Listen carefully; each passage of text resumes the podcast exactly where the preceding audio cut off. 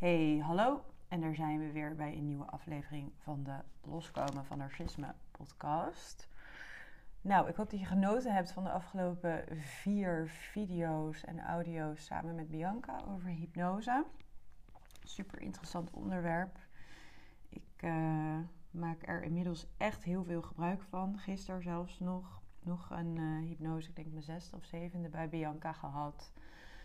Um, ja, nou ja, nogmaals, ik zal verder niet meer over hypnose vandaag gaan hebben. Maar omdat het zo intens goed werkt en omdat triggers echt als sneeuw voor de zon verdwijnen. En dat maakt het leven zoveel lichter. En de grap is gewoon dat ik er eigenlijk, ja, je komt er eigenlijk after the fact eigenlijk achter hoe intens de last je van triggers had. En sommige heb ik echt pas de laatste paar jaar gecreëerd, als het ware. En sommige heb ik gewoon blijkbaar al, nou ja, niet mijn hele leven, maar zolang ik me kan herinneren, gewoon al last van. Dus ik wist niet eens dat dat dingen waren waar je zonder kon leven. Dus het is echt, het is zo een uh, cadeau om aan jezelf te geven. Om rustiger te worden. Ik slaap nu ook beter. Ik heb minder. Ik merkte ook dat ik allemaal trucjes had bedacht om minder met mijn, om, ja, met mijn triggers om te kunnen gaan ik dacht ook heel, dat heel veel van mijn triggers gekoppeld zaten aan hoogsensitief zijn, HSP zijn. En ik denk dat die dingen ook zeker wel verband houden. Je HSP wordt als het ware ook erger wanneer je veel triggers hebt of uh, een beetje in de overlevingsstand zit of in de um, ja, wat meer last hebt van je, van je angstsysteem.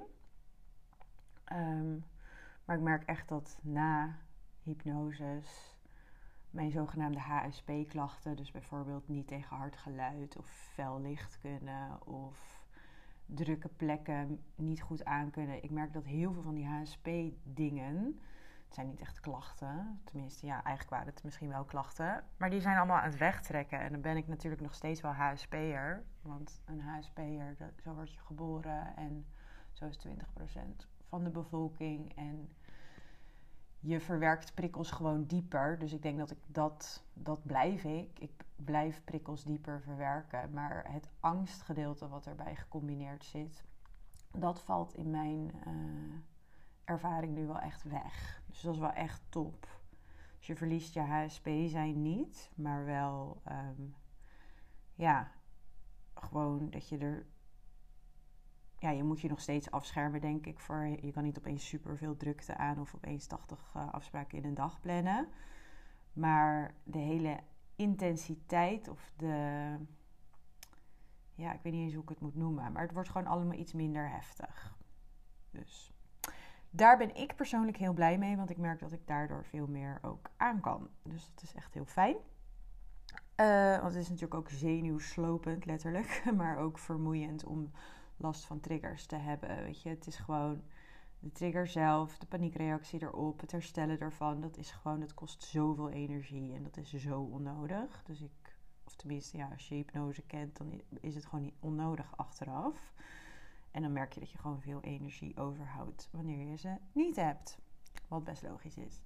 Ehm, ik wil weer even gewoon algemeen gaan hebben over narcisme. Want ik zit toch wel heel vaak nu in een soort van extreme nichehoeken te zoeken qua podcast inhoud van hypnose en zo. En dat is natuurlijk allemaal super waardevol. Maar ik merk soms ook echt dat ik echt de basics uh, vergeet. Ja, de basics zijn voor mij heel basic. Die heb ik zelf al heel veel jaartjes geleden leren kennen. En wellicht ken je die ook. Maar ik merk toch wel vaak dat het enorm veel herkenning geeft voor veel mensen om gewoon ook, ja, zo noem ik het dus, de basics uit te leggen of daar nog een paar voorbeelden van te benoemen. Um, ik ga het vandaag gewoon even hebben over alles wat top of mind is voor mij van vorige week. Want toen heb ik gewoon een paar klanten gesproken. Ik heb ook een matchcall gehad met een dame die een programma is gestart, het Los met Lot programma dan. En um, ik heb ook het een en ander opgenomen zelf aan modules voor de Los Academy. Um, vorige week heb ik alles geschoten voor de mom en dad modules. Ik heb er een stuk of vijf, zes geschoten. Um, puur en alleen dus voor moeders en vaders uh, die loskomen of die nog last hebben van een ex met narcistische trekken of de persoonlijkheidsstoornis. En dus vijf super hands-on met praktische voorbeelden en ook duidelijke opdracht qua huiswerk. Uh, zodat je het persoonlijk kan maken voor jezelf. En je to-do-lijst of je stappenplan voor jezelf kan gaan schrijven. Dus vijf modules geschoten. Even denken, waar ging het ook weer over? Ik zit nu niet uh, thuis in Amsterdam, dus ik moet even heel hard gaan nadenken nu. Um, de eerste is gewoon, ja, gewoon welkom en gewoon schetsen hoe het natuurlijk voor jou is. Nou, ik zeg daar ook in, ik kan me oprecht niks heftigers bedenken dan een ex hebben met narcistische persoonlijkheidsstoornis waar je ook kinderen bij hebt, dat mee hebt, dat heb ik niet. Ik bedoel, het hebben van een narcistische ex kan al intens zijn, maar geforceerd in contact blijven met alle chaos en curveballs die jouw kant nog opgegooid worden. En je hoofd in die tussentijd koel houden en proberen nog een goede ouder voor je kinderen te zijn. Ja, dat is gewoon, ja, dat zeg ik volgens mij ook in die module. Ik gun dat oprecht niemand. Dus uh, daar beginnen we mee. Wat natuurlijk voor jou weinig info is, behalve een beetje sympathie van mij naar jou. En daarna gaan we echt um, de communicatie in. Dus ik ga echt jou letterlijk tips geven van hoe jouw communicatie aan te passen, zodat jij minder ja, in het drijfzand, in het moeras terechtkomt.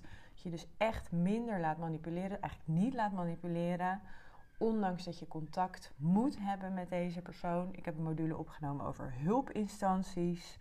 Wat, wat goed kan gaan bij hulpinstanties, wat niet goed kan gaan bij hulpinstanties. Hoe daar weer voor te waken, hoe het te herkennen, maar ook hoe bij te sturen wanneer het een gebed zonder eind wordt.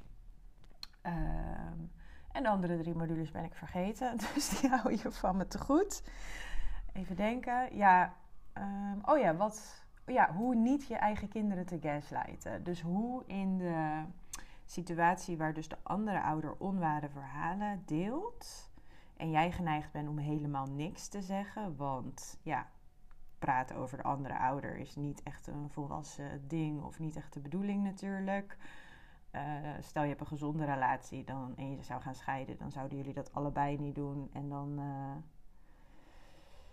ja, dan hoeven je kinderen daar helemaal niet mee lastiggevallen te worden. Maar wanneer er één ouder wel zijn of haar mond opentrekt en onware dingen deelt, die het kind in, in de war kunnen brengen of niet in overeenstemming zijn met de waarheid of niet in overeenstemming zijn met de ervaring van het kind zelf, wat dus gaslighting is, of niet in overeenstemming zijn met wat het kind zelf voelt, wat ook gaslighting is en wat best wel funeste gevolgen kan hebben als je het mij vraagt. Um, vind ik dat je wel je mond open moet trekken. En daar gaat die module over van hoe ver dan, in welk level. Want je gaat natuurlijk niet je eigen al je sores en je hele waslijst bij je kinderen ophangen. Welke leeftijd dan ook. Maar niks zeggen vind ik ook een no-go. Want ja, dat is een beetje een harde quote, maar zo zie ik dat echt. Als je 0,0 zou zeggen, dan gaslight je je eigen kinderen. Want kinderen zijn ook gewoon mensen en gevoelswezens. En die hebben echt heel veel, zei het niet, alles al lang door. Dus dan is het maar goed om de communicatie daar ook aan te koppelen. In plaats van te doen alsof alles oké is. Want dan ben jij naast de andere ouder de tweede gaslightende ouder. En het klinkt misschien heel nobel om drama bij je kids weg te halen. Maar die drama die is er nou eenmaal. En dat dan niet te gaan verwoorden, dat kan ja, slechte gevolgen hebben voor je kinderen. Want die voelen dingen, die zien dingen, die ervaren dingen. Die ervaren veel meer dan jij denkt of hoopt wellicht ook. Of die hebben vroeger ook al heel veel ervaren of gevoeld. Ook al dacht jij het allemaal mooi weg te poetsen en onder de tapijt te kunnen vegen. Die zijn er ook altijd al bij geweest. Meer dan jij denkt waarschijnlijk. En door hun terug te spiegelen alsof het allemaal acceptabel en oké is. Wat je eigenlijk doet als je er geen woorden aan vuil maakt. Wat je dan impliciet doet is toch het soort van goedkeuren. Want ja, je doet er niks mee. Dat, uh, ja, dan ben je het eigenlijk aan het normaliseren. En uh, in mijn boekje, of hoe ik erover denk, is dat niet echt de bedoeling. Want als je hier dus niet actief mee aan de slag gaat of niet de communicatieknop bij aantikt, Wat je dan eigenlijk ook doet, is de kans ook groter maken dat je kinderen in dezelfde situatie gaan belanden. Want dit was toch normaal? Mams of paps heeft dit ook altijd gedaan of geslikt. Of ja, er was toch niks geks aan. Dit was toch normaal? Dus ehm, ja, in mijn boekje is het super belangrijk om daar wel het een en ander over te gaan zeggen. En er is een hele gezonde weg om dat te doen. En dat is gewoon via je eigen gevoel en je eigen ervaring. Het allemaal lekker dicht bij jezelf te houden. Maar wel open en eerlijk en kwetsbaar te zijn. En daar hoef je niet andere mensen voor zwart te maken, zoals de narcist graag zegt. Je maakt mij zwart als je over mij praat. Ja, nou ja, als jij geen nette dingen doet en ik deel gewoon de realiteit of de waarheid en jij vindt dat ik je daarmee zwart maak, ja, dan moet je misschien gewoon je acties niet doen. Want ik ga niet mezelf melkorven. Uh, ja, dat is dan een van de dingen die je zou kunnen zeggen. Uh, want dat is, als je gewoon de waarheid deelt, dat is niet per se zwart maken, toch? Dan had die ander gewoon de acties niet moeten doen. Als de waarheid zwart maken wordt, ja, dan then you're lost. Dat is ook trouwens een gaslighting opmerking, hè? Over mij praten is mij zwart maken bij de kinderen. Dat is niet zo. Dat is niet zo. Je weet zelf wat zwart maken is. En zwart maken is alleen maar negatieve dingen zeggen of onware negatieve dingen zeggen. Drie keer raden, dat doet iemand met narcistische persoonlijkheidsstoornis zelf wel. Dus het is ook een stukje projectie. En zolang jij het bij de waarheid of je eigen verhaal houdt en het maakt iemand zwart of zo, ja, dat is dan een bijeffect van de waarheid delen. Dat, dat is niet, en dat weet je zelf misschien ook, om iemand zwart te maken, maar gewoon om niet de waarheid bij mensen weg te houden, zodat ze zelf uh, hun eigen beeld kunnen gaan vormen. Want jij bent niet aan het gaslighten. En uh, je zal de mooie en de lelijke dingen gewoon mogen gaan benoemen, zodat iedereen gewoon ja, de waarheid heeft te pakken. Daar is niks mis mee in mijn uh, optiek.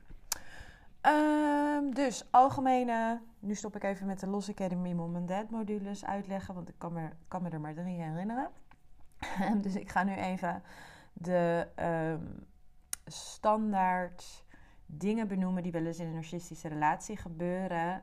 En ik vind het altijd leuk om het aan de hand van een paar voorbeelden te doen. Um, want daar weet ik, daar hebben mensen zo extreem veel herkenning in. Um, wat ik uh, vorige week weer hoorde, en dit is bij mij ook gebeurd, is iemand met een narcistische persoonlijkheidsstoornis die jou wakker houdt s'nachts. Dus ik zie het ook altijd wel voor me dat iemand, ja, iemand start een relatie met jou omdat je toch kwaliteiten hebt wat deze persoon ja, letterlijk wil hebben eigenlijk. Weet je, die persoon die hoopt ook ergens dat door met jou te zijn of om te gaan, dat een aantal van jouw kwaliteiten of eigenschappen of de hoogte van jouw bankrekening of de hoogte van jouw sociale status uh, zal afgeven, of hoe noem je dat? Zal, uh, dat die ander dat lekker uh, tegenaan kan wrijven en dat, dat het een soort van over zal springen of zo op de een of andere manier. Um, dus die persoon die zoekt jou daarop uit en hoopt die dingetjes van jou over te kunnen nemen. Um, maar tegelijkertijd is er ook een competitie gaande en wil die persoon ook weer beter zijn dan jou.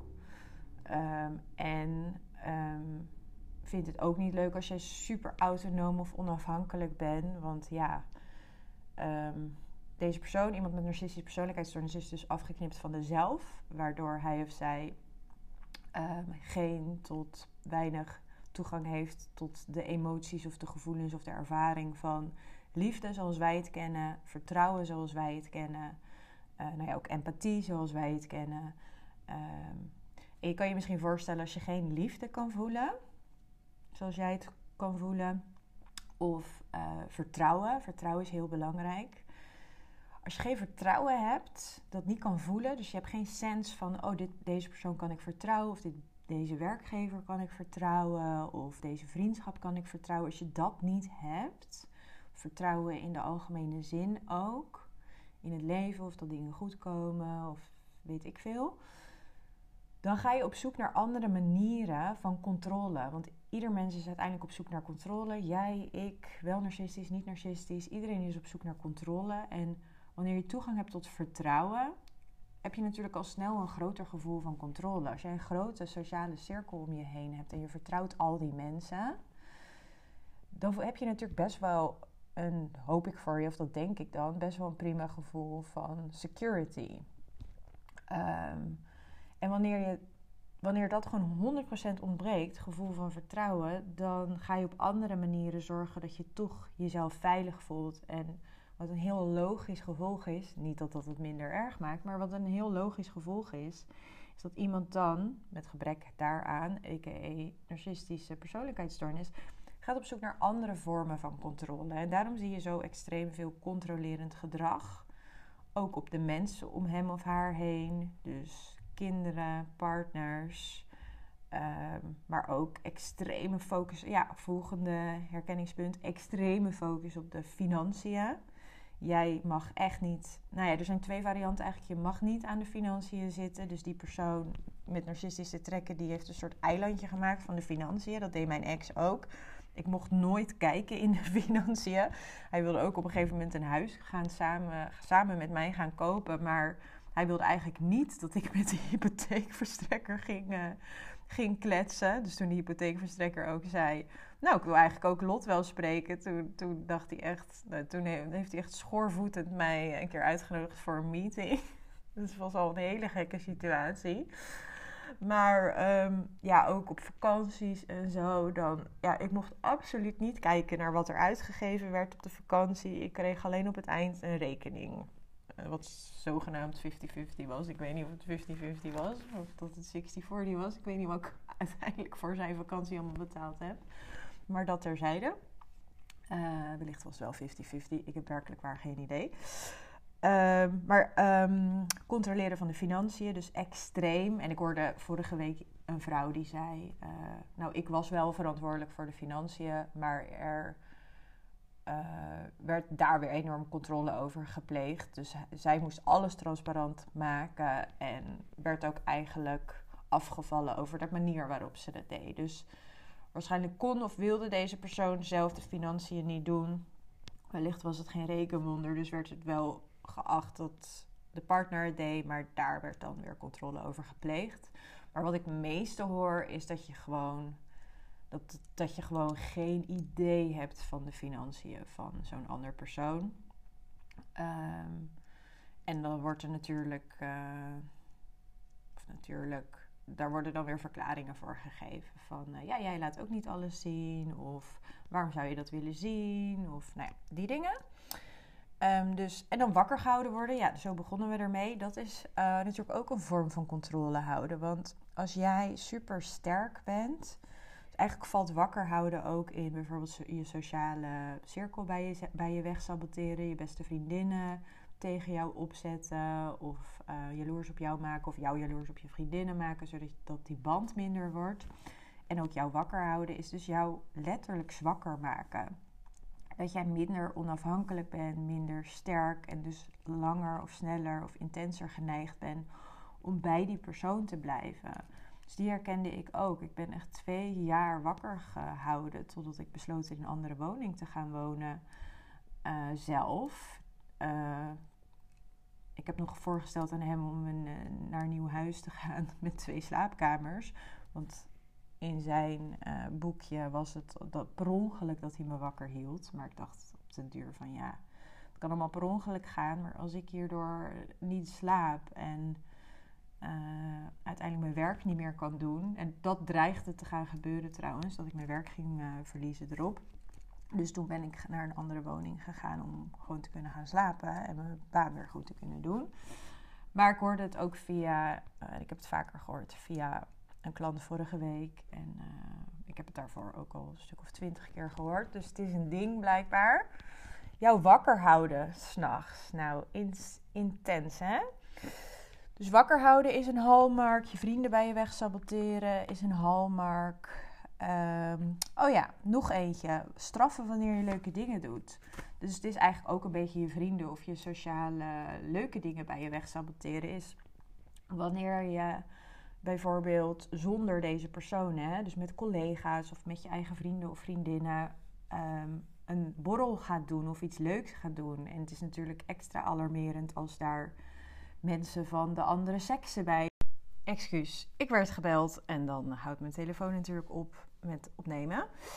Wanneer ehm, jij als hetero uh, ook gaat borrelen, of er is een kans op dat jij mensen van de andere seksen tegenkomt, of uh, wanneer je niet hetero bent, maar in veel contact bent met uh, het geslacht of het type waar je normaliter op valt. Nogmaals, dit is natuurlijk ook weer terug te relateren naar vertrouwen. Iemand heeft uh, de mogelijkheid tot het vertrouwen van anderen niet. Dus daarom is ook die extreme jaloezie een ding. En daarom word je ook gesaboteerd op.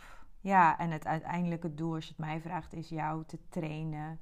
Jou bang te maken, jou zoveel stress op te leveren, zodat je niet meer dit soort sociale dingen gaat doen. Waarbij je potentieel natuurlijk ook, ja, dat is misschien ook wel een leuker persoon dan de persoon met narcistische trekken zelf tegen kan komen. Dat je blij verrast wordt, bijvoorbeeld. Uh, ja, dus dat. Um, en een hele intense is.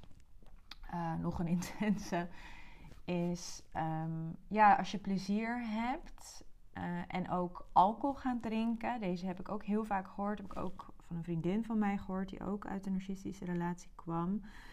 Um, en ik herken het ook uit mijn eigen verhaal. Is zeker ook wanneer je uh, bijvoorbeeld alcohol hebt gedronken. Dus een, uh, een leuk avondje hebt gehad. Waarbij je dus een beetje tipsy of uh, erger bent geworden of kan worden. Waarin je dus losser wordt, minder gecontroleerd. Gecontroleerd, daar is het woord alweer. Dat je daar dan extreem op gestraft wordt. En dat iemand Um, ook zeker wanneer de persoon met narcistische trekken er zelf bij was. Dus wanneer jij een beetje lollig of grappig bent gaan doen. En soms is dat ook juist heel positief. Hè? Dan vinden mensen jou extra leuk of dan krijg je extra veel aandacht. Dat dan die avonden, dus wanneer je ook alcohol drinkt. Dus dit heeft ook allemaal met trainen te maken. Hè? Uiteindelijk word je getraind om niet meer met je vrienden of collega's te willen uitgaan. Je wordt getraind om niet meer gek te doen met alcohol en dergelijke. Um, want wat er dan gebeurt bij dat alcohol drinken, is dat je de volgende dag, en dit is ook iets wat ik heel vaak gehoord heb, dus wellicht herken je dit ook, dat iemand een moment gaat vinden. Um, of een situatie of iets wat je wellicht gezegd hebt, waar of niet waar, wat zogenaamd super gênant zou zijn. Dus, en wellicht weet je ook niet meer alles tot in detail van die avond. Dus er wordt een soort scène gebouwd waarin jij, nou ja, dit is dus nep, maar waarin jij echt iets heel gênants of iets heel doms gedaan hebt die ene avond. En dat blijft, dat wordt dan zo extreem herhaald dat je op den duur alleen nog maar die hele avond kan herinneren als die ene gênante scène. Dus dat die hele avond een soort van een hele gênante avond is geworden. Als je begrijpt wat ik bedoel. Dat is dus ook ga ga gasleiding, wilde ik zeggen, gasleiding.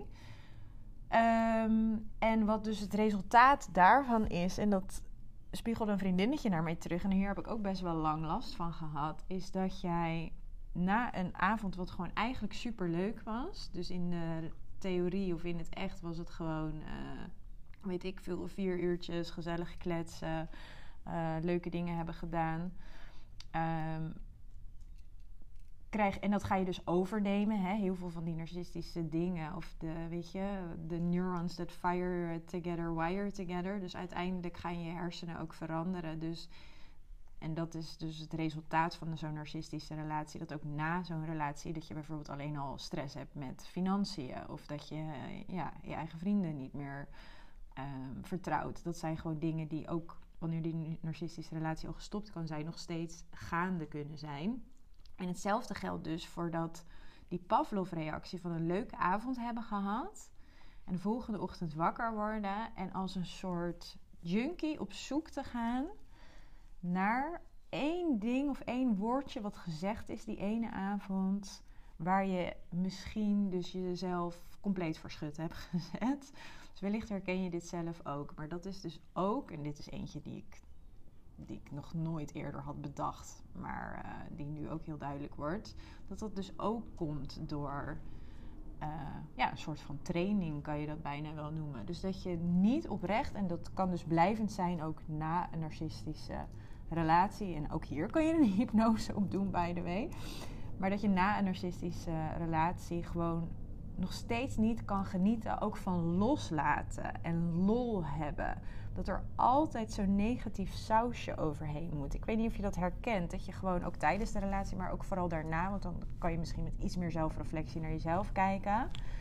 Dat je het heel moeilijk vindt om los te laten, om plezier te hebben, om ja, een beetje frivol, of hoe noem je dat, een beetje luchtig in het leven te staan en gewoon je gekke zelf bijvoorbeeld ook te laten zien. Want die gekke zelf, dat is trouwens de versie die het leukste is en die andere mensen vaak ook het leukst vinden.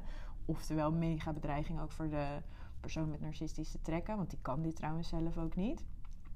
Maar die gekke zelf van jou, die, ehm, dat voelt gewoon onveilig op den duur om die te gaan laten zien. Nou ja, om weer een bruggetje naar een van mijn programma's te maken, dat ga je ook echt proberen of dat ga je leren tijdens uh, zowel de Los Academy als Los met Lot om, uh, of ik ga je aanmoedigen om, um, ja, die persoon van jezelf die gewoon een onderdeel van jou is, ook weer aan te gaan zetten. Want ja, er zijn gewoon momenten in het leven om serieus te zijn. Op je werk bijvoorbeeld. Of uh, weet ik veel, in het verzorgen van de kinderen. Maar ook, en dat kan ook op je werk en ook in het verzorgen van de kinderen. Maar ook lekker wanneer je zelf of met je vrienden of vriendinnen bent. Ook die gekke versie van jezelf aan te zetten. Want al die elementen mogen er zijn. En je zit niet in een keurslijf. Je hoeft niet perfect te zijn. En je mag soms gewoon lekker loslaten. En... Uh, als je het mij vraagt, is dat ook een van de stapjes van helen van narcisme. Um, weer die gekke versie van jezelf te kunnen zijn. En dat noem je ook wel eens je inner child. Je innerlijke kind. Dus gewoon wie jij vroeger was, die nog steeds in jou leeft, by the way. Die af en toe gewoon lekker uh, zichzelf te laten zijn. Okido, dat was hem weer voor vandaag. Dus een paar extra hallmarks om narcisme te herkennen. Wakker. Dit, dit hoeft trouwens niet altijd te gebeuren, hè. Uh, maar dit zijn gewoon een aantal gekke dingen die ook wel eens gebeuren. Wakker gehouden worden, extreem uh, focus op financiën, jou niet te vertrouwen met financiën of daar een enorme black box van te maken. Vrienden bij jou wegsaboteren, maar ook feestjes, gezellige momenten, borrels met collega's eigenlijk bij jou wegsaboteren. Of dat jij plezier beleeft aan een avondje loslaten. Uh, dat ook bij je wegsaboteren door daar altijd een enorm negatieve reactie bij te creëren. Oh ja, wat ik me nu bedenk, Eén, dus het verhaal veranderen. Van hé, hey, een superleuke avond naar nee, je hebt jezelf volledig voor schut gezet. Dat is het verhaal veranderen. Maar soms is het ook gewoon enorme paniek of stress creëren. Direct ervoor of direct erna. Dat deed mijn ex ook altijd. Dus als ik een etentje had met vriendinnen. Of een leuk uitje op zaterdag met mijn collega's. Dan creëerde hij mega chaos daarvoor. Er ging van alles mis. Maar ook en of trouwens, of daarna. Dus, um, en dan wordt dus die hele dag of dat hele weekend, dat wordt een soort van blur. En dan ga je dus, dat ene leuke moment kan je niet meer als 100% leuk zien, omdat er zoiets naars vlak daarvoor of vlak daarna is gebeurd. Dus jouw hele systeem slaat dat heel anders op. Dus dat is ook een hallmark als ik me nu bedenk dat wanneer jij leuke dingen onderneemt, en ja, daarom worden ook verjaardagen en kerst en jouw vakantie is altijd gesaboteerd. Maar ook gewoon, ja, wanneer jij leuke dingen onderneemt of dingen doet waar jij echt bijvoorbeeld je batterij helemaal kan opladen of super veel plezier kan hebben of super leuke ervaring kan hebben. Dat vlak daarvoor of tijdens dat iemand je belt met een enorme chaos of kritieke toestand zogenaamd. Uh, of daarna dus uh, ook iets super naars wat enorm ja, jou negatief in jouw systeem uh, raakt. Dat dat dus ook gebeurt. Waardoor je dus nooit oprecht kan genieten van dingen. Wat natuurlijk funest is voor, je energielevel ook. Want je hebt in het leven ook gewoon oplaadmomenten nodig. En nou ja, eigenlijk is het een beetje hetzelfde ook als wakker gehouden worden s'nachts. Je, je oplaadmomenten of je, ja, ja, je, ook momenten dat je lekker kan, ja, hoe noem je het? Kan luchten, dat je dingen los kan laten. Dat je even de, de counter van, van alle stress of paniek of uh, acties op je werk kan, uh, kan counteren. Dus dat je even de tegenbeweging in kan gaan. Dat die ook worden gesaboteerd, weggesaboteerd bij jou. Okido, dat was hem weer. Tot volgende week. Doei doei.